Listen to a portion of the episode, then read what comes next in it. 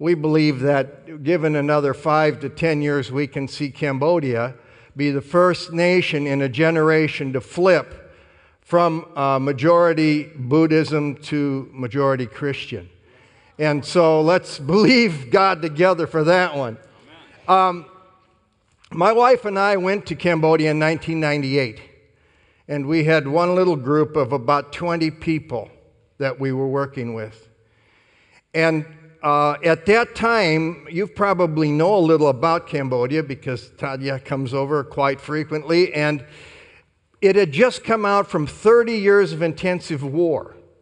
Can you imagine that? It started with the Vietnam War, getting engulfed in that in the 1960s, and then when the Americans pulled out in 1975, the worst of it began for Cambodia.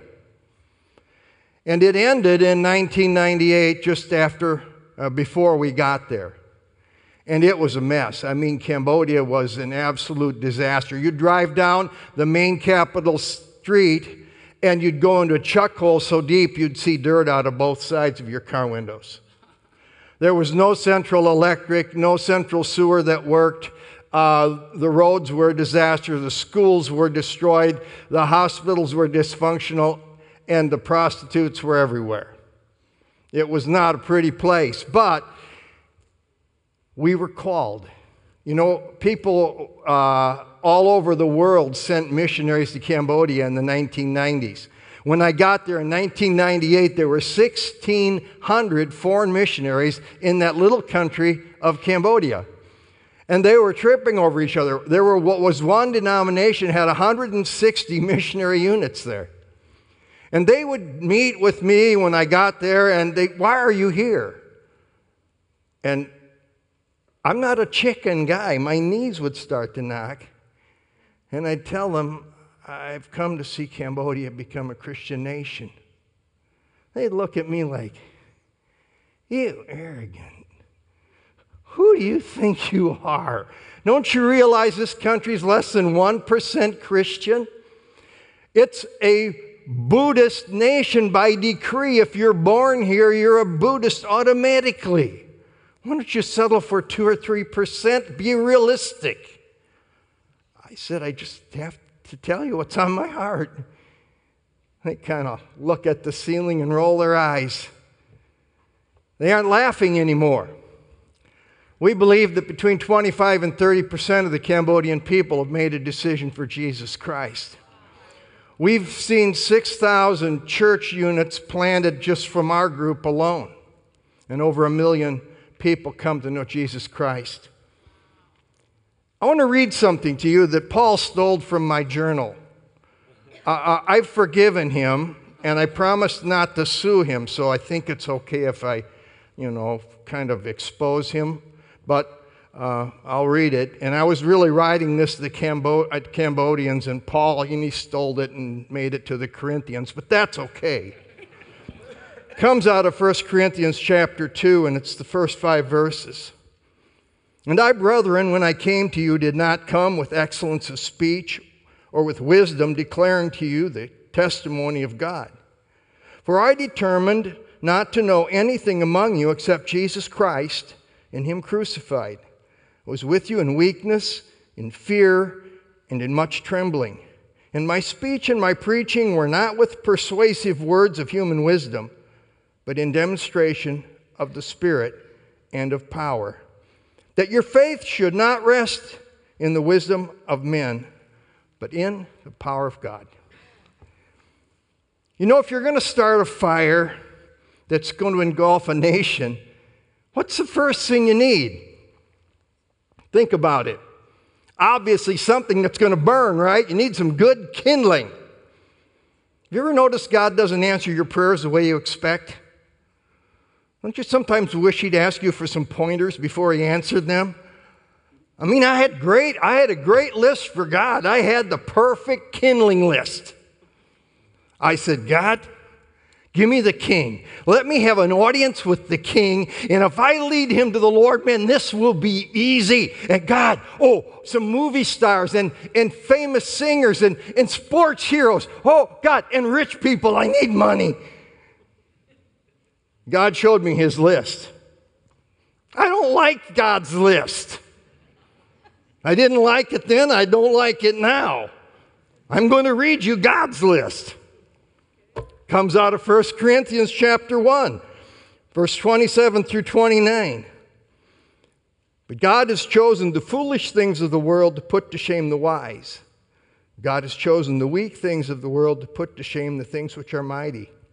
And the base things of the world, and the things which are despised, God has chosen, and the things which are not, to bring to nothing the things that are, that no flesh should glory in his presence. It's amazing how God answered our prayer. I had a calling, but I didn't have a plan. I didn't have a clue how to reach this nation for Jesus Christ. I learned what it's like to pray unceasing. It kind of goes like this God, you got to help. I don't know what to do. I haven't got an idea. God, you got to help. Show up somehow. Can you do something? 24 hours a day, it was in my heart. And God answered my prayer in the weirdest way. I'm not a cuddly, kid loving kind of guy, you know. I'm kind of a rough old farmer. I'd raised four kids and that was it. I'd had enough. They're expensive. Lucky me. The first woman, late 1998, we led to the Lord through rescuing her brother from a kidnapping, kidnapping which was the growth industry in Cambodia back then. Um, she came to know the Lord, and she's the nastiest woman in the entire nation of Cambodia. If you wanted to make a Halloween horror movie and you needed someone to play the witch, you would definitely give her a screen test. She had straight black hair, bony features, a high screechy voice, and she loved to stick her finger in your face and tell you what to do. Lucky me. She got saved. She's saved nasty. She's still saved and she's still nasty 20 years later. I don't know if you know anything other than the fact that 3 million people died in that period between 1975 and 1979, but that, you know, was only the beginning of the horrors for the Cambodian people. It was just a country of 9 million. You can imagine one third of the people of a country being wiped out? And then, in their infinite wisdom, the UN brought in 35,000 peacekeepers in 1990, and they pulled many of them from sub Saharan Africa. And guess what they brought with them? HIV AIDS. It spread through Cambodia like a flu virus. You know, the normal custom guys would go down and dabble in the local institution once in a while. They'd bring the disease home, give it to mom. They'd have four, six, eight kids, and two, within two years, oftentimes a year, they'd both be dead. They had packs of homeless children running through every city and village in Cambodia. And the prime minister put out an appeal somebody do something to help us take care of these kids. One cardinal rule of missions thou shalt not build dependency. You don't take care of kids, they're too expensive. I had no interest in that one. Well, the wicked witch, Paula, she was in a little village where she had a motorcycle shop. And she started preaching, and people couldn't believe that she'd changed.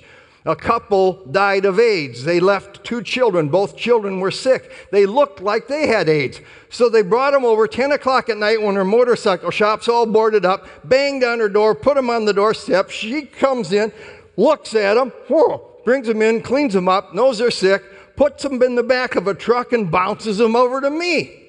Next morning, they're on my doorstep. Paula, what'd you bring these kids for? I want these kids. You're a Christian, you can't let them starve. What are you going to do with that? Throw them out on the street? We made a big mistake. We started to feed them. Within a month, we had 40. My denomination's trying to fire me. We sent you there to plant churches, not raise kids. Now we've raised 18,000.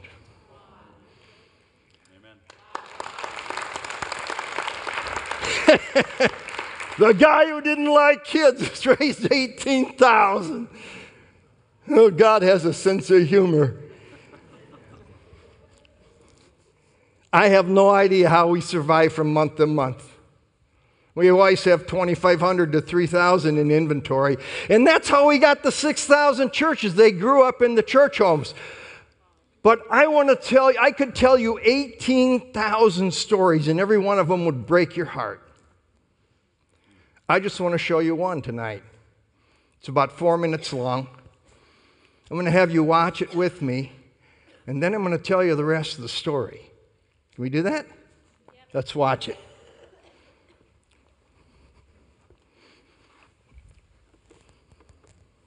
I see OP caring about me and my brother. Maybe my life would be really, really bad.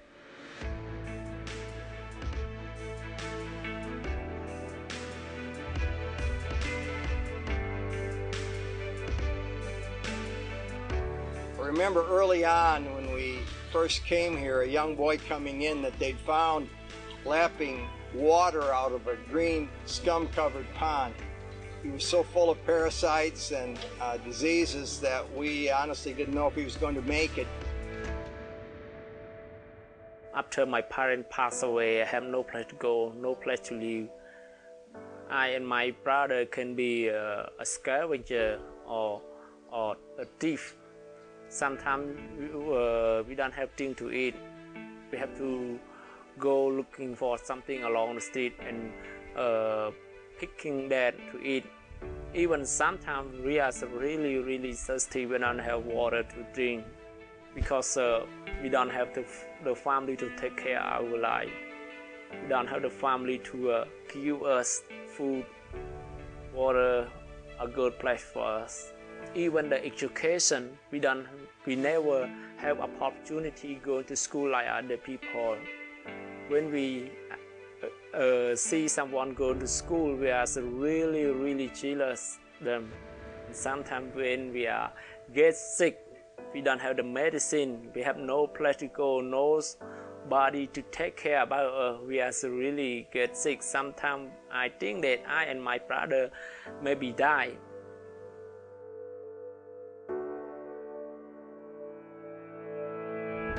doctors treated him and we fed him.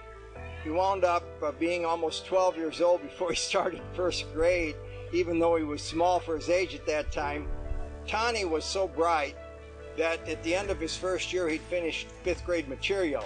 He went on to graduate with his high school class actually above his age level, has now gone through and gotten his college degree in internet technology and he leads our uh, group at the national office in taking care of all the records connected with over 100 church homes, and that's significant. Tani is the leader of our group called the Young Lions, and uh, they are responsible for casting the shaman, uh, devil out of a shaman, I should say, out of an island that controlled 100,000 people. And virtually all of those people have now come to know Jesus Christ. You know, the most thing that I value is family. I never thought that I have a good family like today. When I come to live with the FCOP, you know, they really, really love us like their her children.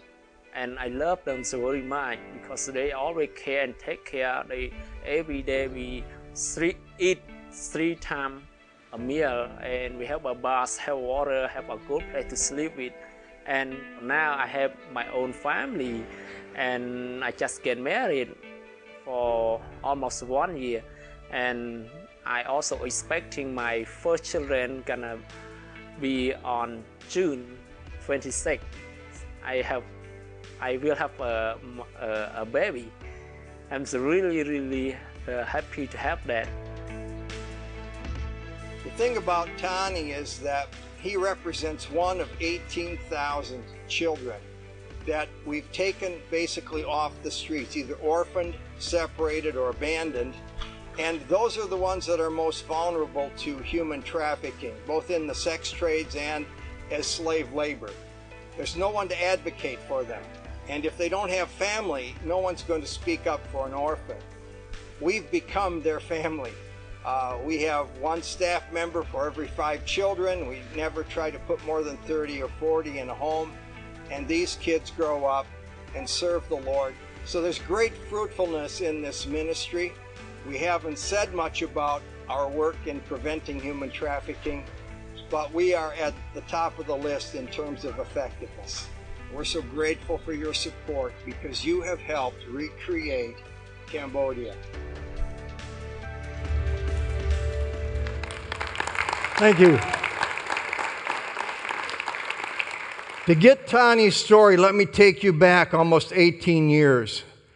We first started growing and we were bringing in pastors for training. And this one pastor told us that if we'd buy him a, a, a, boat with a little motor, diesel motor on it, he'd go up and down the great central river in Cambodia, the Tonle Sap, and he would evangelize the cities that didn't have road access. And so he scraped some money together, got him this little boat, and he went putting up and down the Tonle Sap River. And uh, somewhere around 2002, uh, he pulled up to the great island in the lake in the southeast corner called Tum Nap. And there was a little 1.3 meter tall woman out there washing clothes for her two daughters and her husband.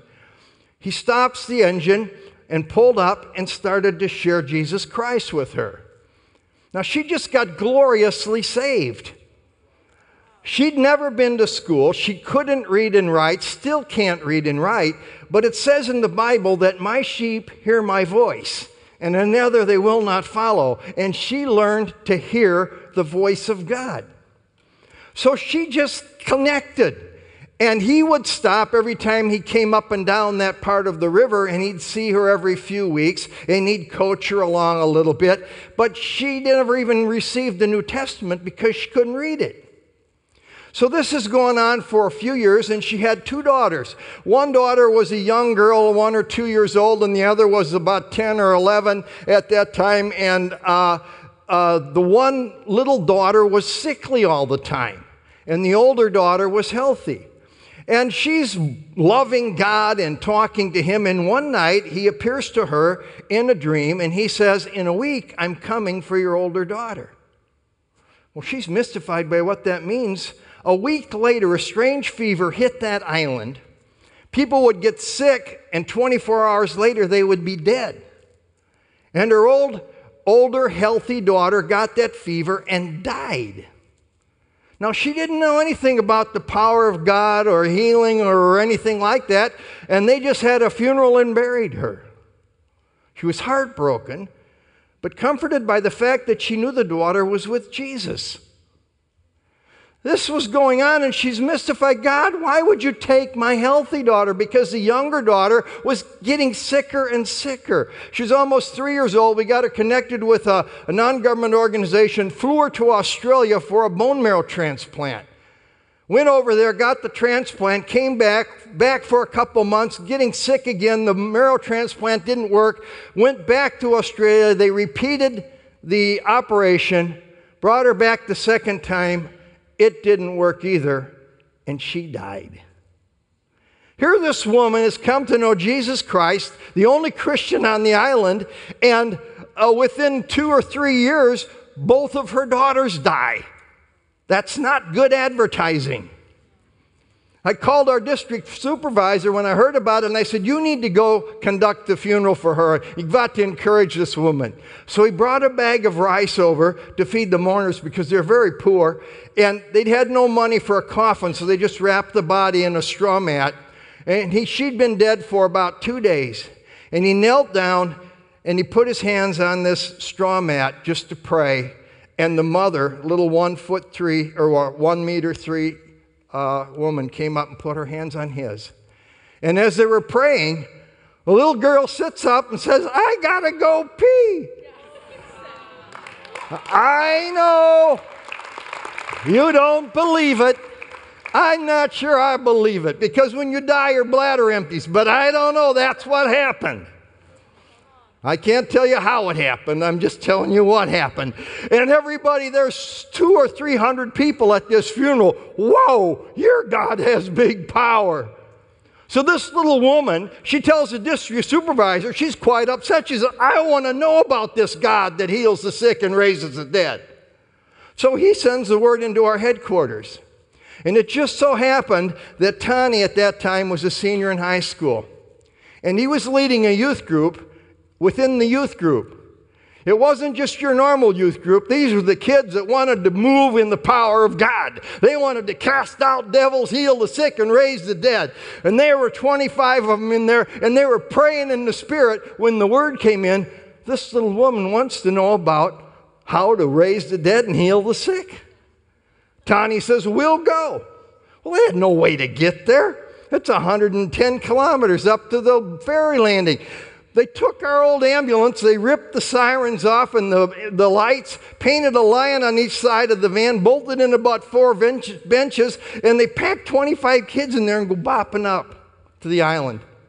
They get to the ferry landing. They can't take a ambulance across that thing. It's too heavy. So they just piled in.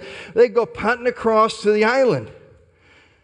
Now, I don't know if you know much about the dark side, but if you think there's no power in the dark side, you haven't met it yet. The devil can speak to his people, and he does.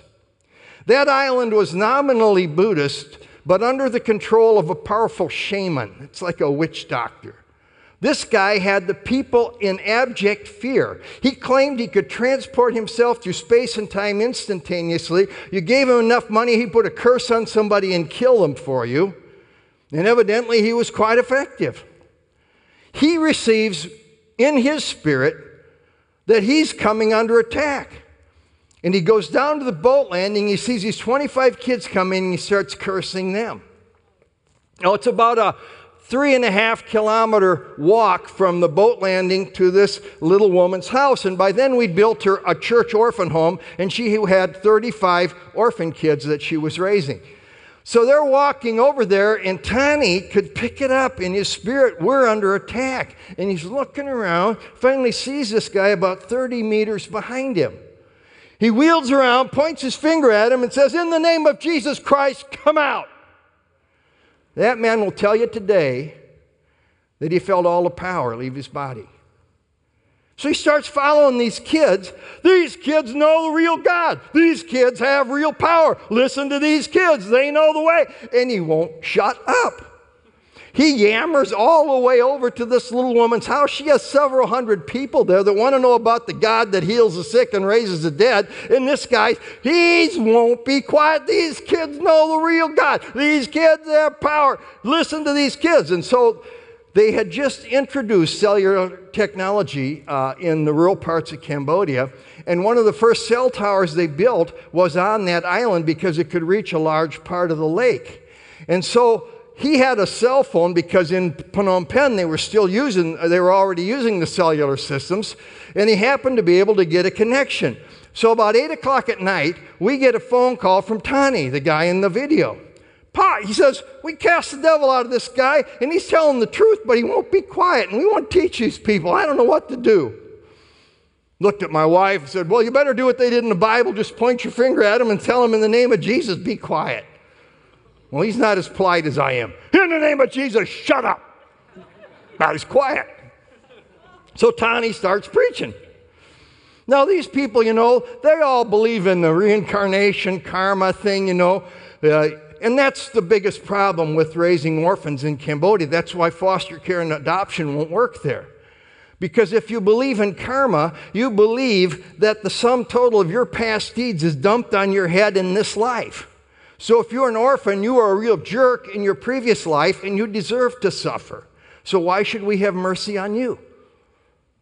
Well, he's looking at these three, four hundred people out there that want to know about the God that heals and raises dead. He says, Hey, you guys, you see what happened to shaman here? You were all afraid of him. Now he's praising our God. And little Ruthie over here, you know, a few weeks ago, she was dead. Now she's alive and well, and she's still alive and well, and that was over 10 years ago. So he says, Don't you want a God like that? Well, yeah, that'd kind of be good, I think. We want a God like that. Who is he? Well, his name is Jesus. Yeah? What do you do? Well, here's the deal He lived about 2,000 years ago, and you see, Jesus lived this perfect life. He never did anything bad. Now, how many of you guys would, wouldn't, wouldn't you like to find somebody that you could kind of jump up on their back who never did anything wrong? And so you could go through life with a perfect life and you'd never have to recycle again. You just get to go straight to heaven. Well, that's cool. Where are you going to find a guy like that?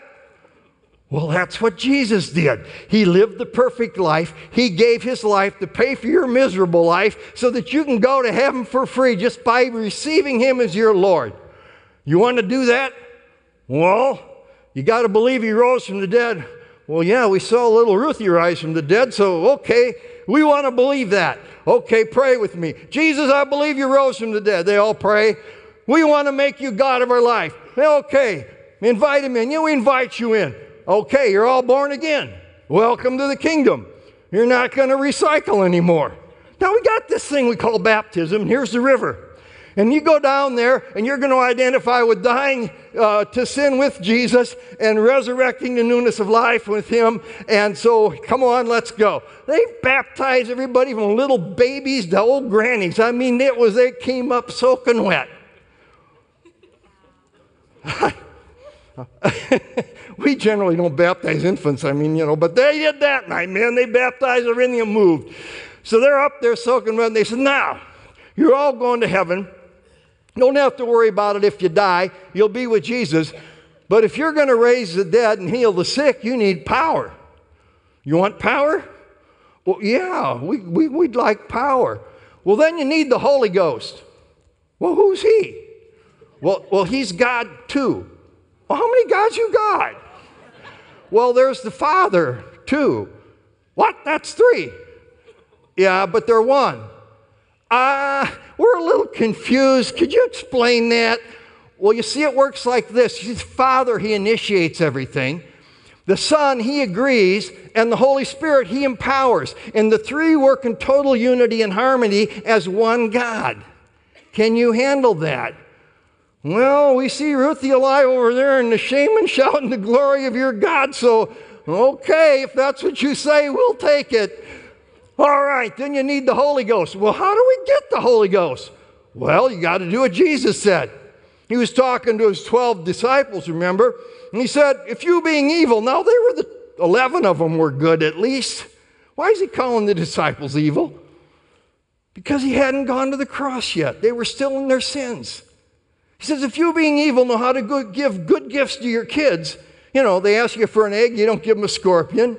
You ask you for a loaf of bread, you don't give them a rock. They ask you for a piece of fish, you don't give them snake meat. If you know how to do good things for your kids, how much more will your Heavenly Father give you the Holy Spirit if you ask Him? So you got to ask. Do you want to ask? Yeah, we, we want to ask. Okay, lift up your hands. They lifted up their hands. They said, Okay, repeat after me God, give me the Holy Spirit. Man, it's like you took a machine gun and you opened it up on 300 people. They're laying all over the ground, some of them with their hands in the other, jabbering a strange language.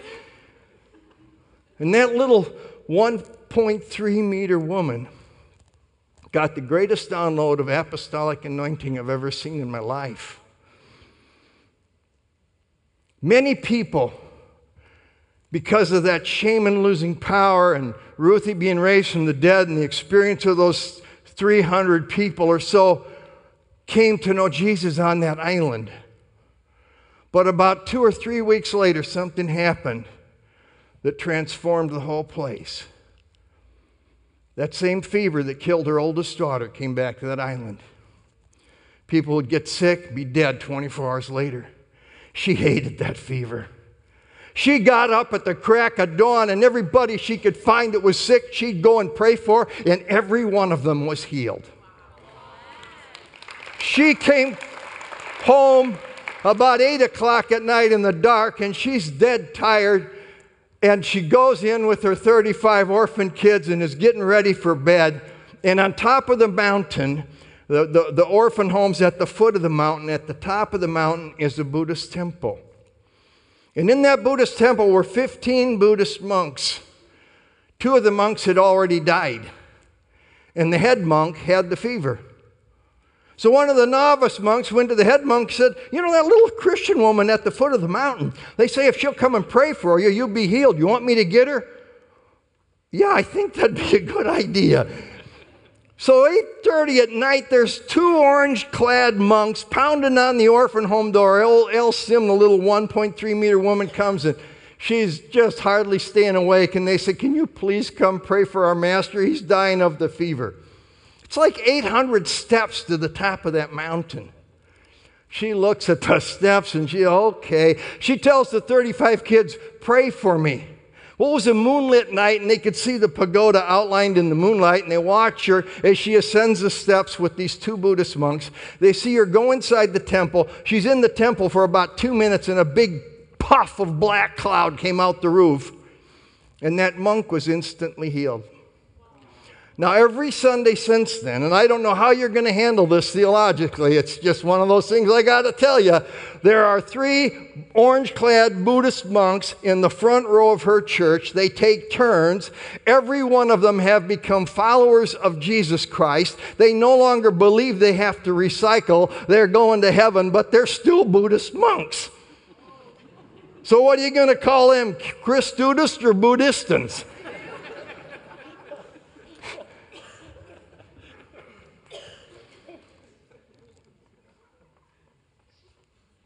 If you took 100,000 dominoes and lined them up in a row, when you gave them a tap, it was kind of like what happened on that island. Boom. Into the arms of Jesus. Probably between 85 and 90% of the people on that island have made a decision for Christ. They don't know much about him, but they just know he's powerful and he's God.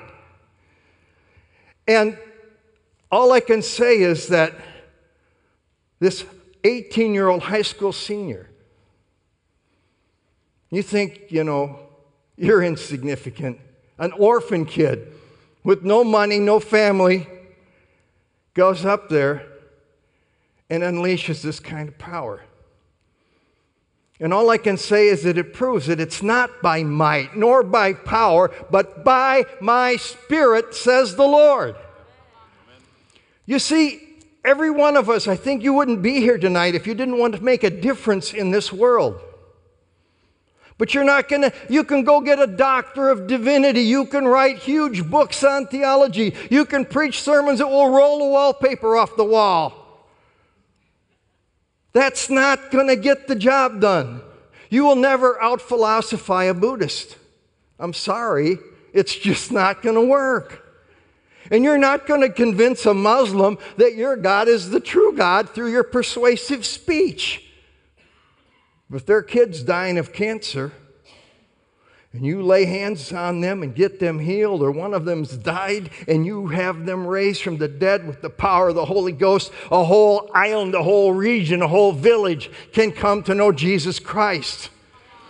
Every one of those 106 church homes in Cambodia, I can't think of a one of them that wasn't started with some kind of tangible miracle. I could stand up here all night and talk about miracles, and I wouldn't be a quarter the way through people raised from the dead, blind eyes open, deaf ears hear, lame walk, fire from heaven. I mean, we've seen it all. But it takes one thing the infilling power and presence of the Holy Spirit. Now, here's the problem. Here's, your, here's most of the Western world's problem. We don't want to be stupid. We, we want to be thought of as intellectuals. We want to be respected. Jesus made himself of no reputation. Why are you so proud? Well, yeah, but if I have to speak in, do, can I get the Holy Spirit? Do I have to speak in tongues? No, you don't have to. You get to. Why would you want to fight a war and have the enemy tapping your phone line? The devil understands every language the whole world speaks. I'm sorry, he understands Norwegian. He understands English and he understands Cambodian, but he doesn't get tongues. And that's why he will do anything to keep you from doing it, including making you feel like you're stupid. In fact, if you speak in tongues and it doesn't sound stupid, it's not real.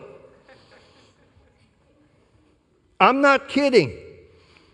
You can go to heaven, be a respectable Christian. I mean, Jesus, 30 years in the carpentry shop. He had a perfect life. Everybody loved Jesus. Man, he made, how many of you think God made a good carpenter? I don't think he was whittling toothpicks. Oh, he was building high rises or whatever they had back then, and he was making a good living. He probably had a nice home to live in. He preached in the synagogue every Sabbath. And when he was 12 years old, he knew more about theology than all the big shots in the whole religious world at that time. Remember when Mary found him when he was 12 years old in the temple? You little brat, where you been? Your mother, your father, and I worried sick about you.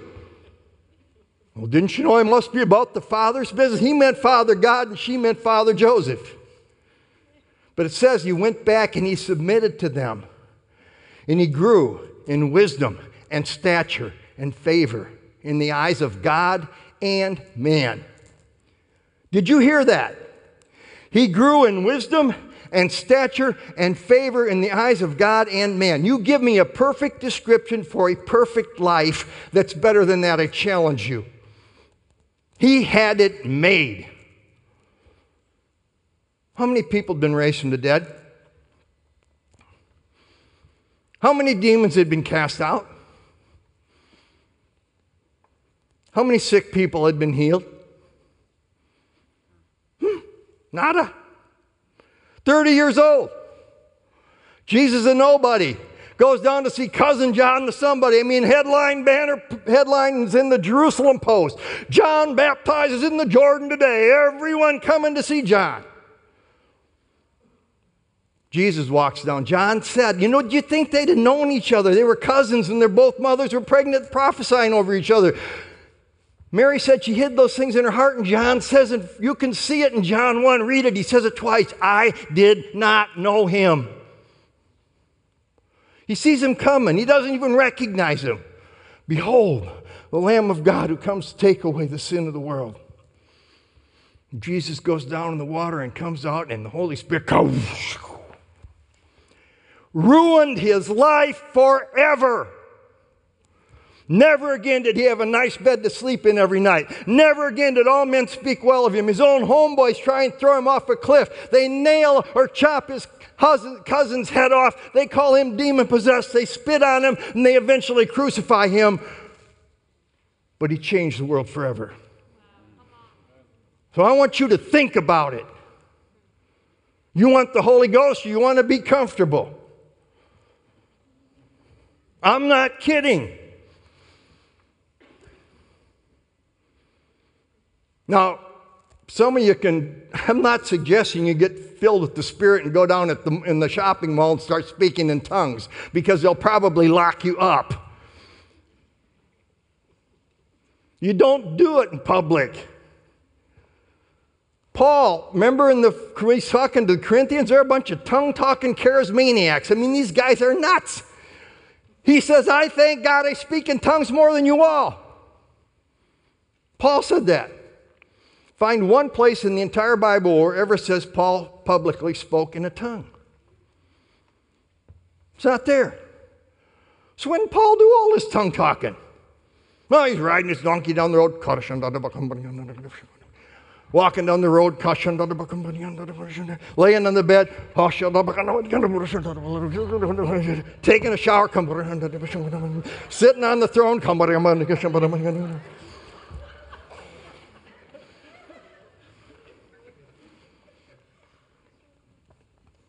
He changed the world too.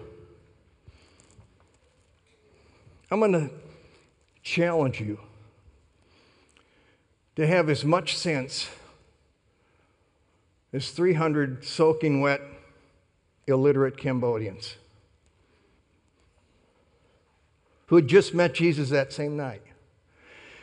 You see, the one thing that's essential is, first of all, there's probably some people here.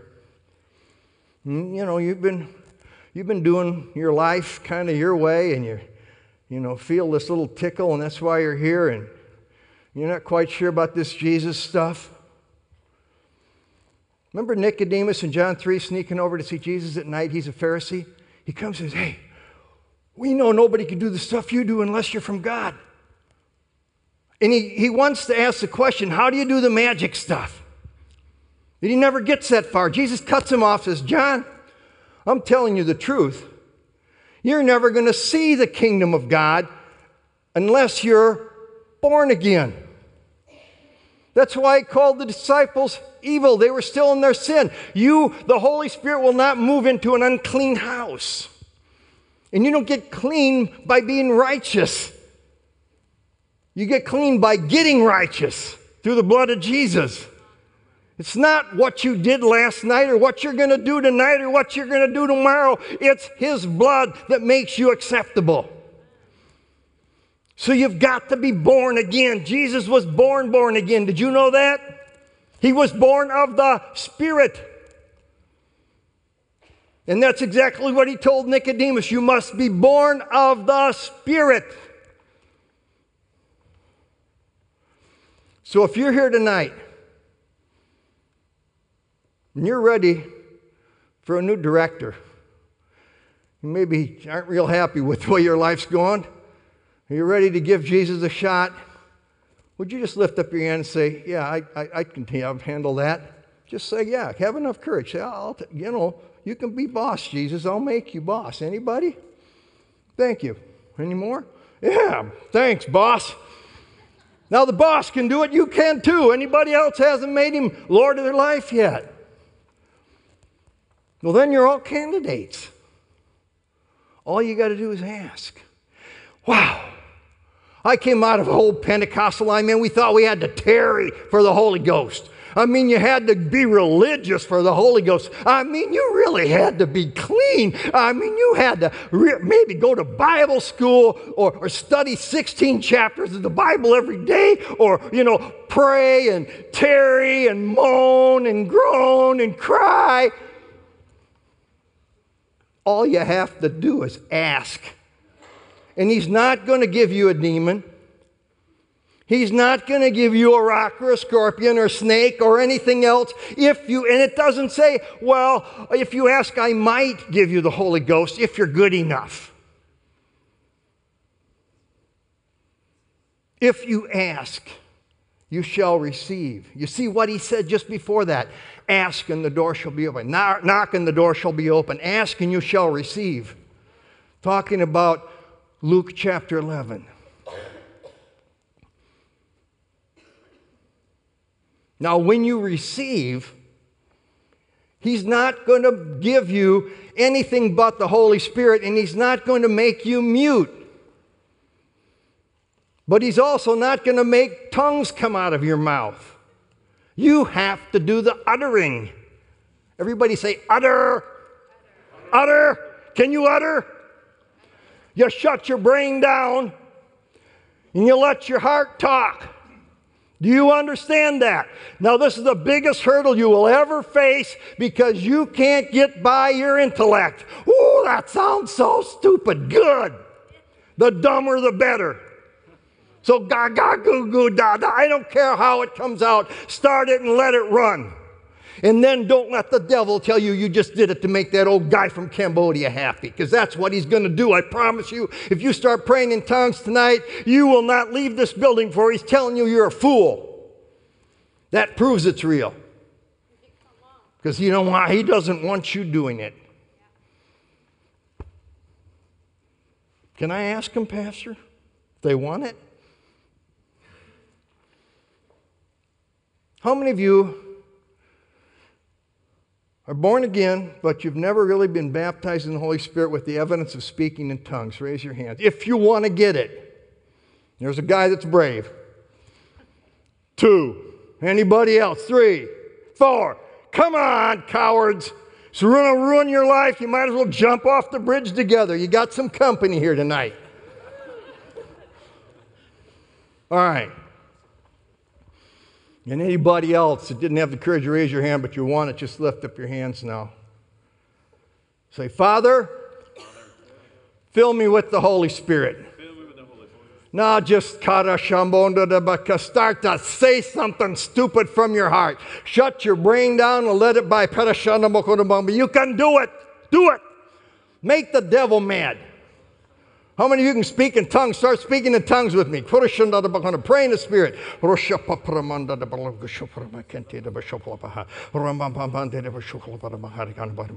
Somebody start getting your language. Let it come out. You say, all I can say is da da. Okay, say da da. God will fill it in for you. You're laying on your bed tonight. Just start speaking, praying in the Spirit. Start singing in the Spirit. See, Paul said, How is it then? We pray in the natural, we sing in the natural. We pray in the Spirit, we sing in the Spirit. You can sing in the Spirit. Did you know that? You know how I was singing your Norwegian songs tonight?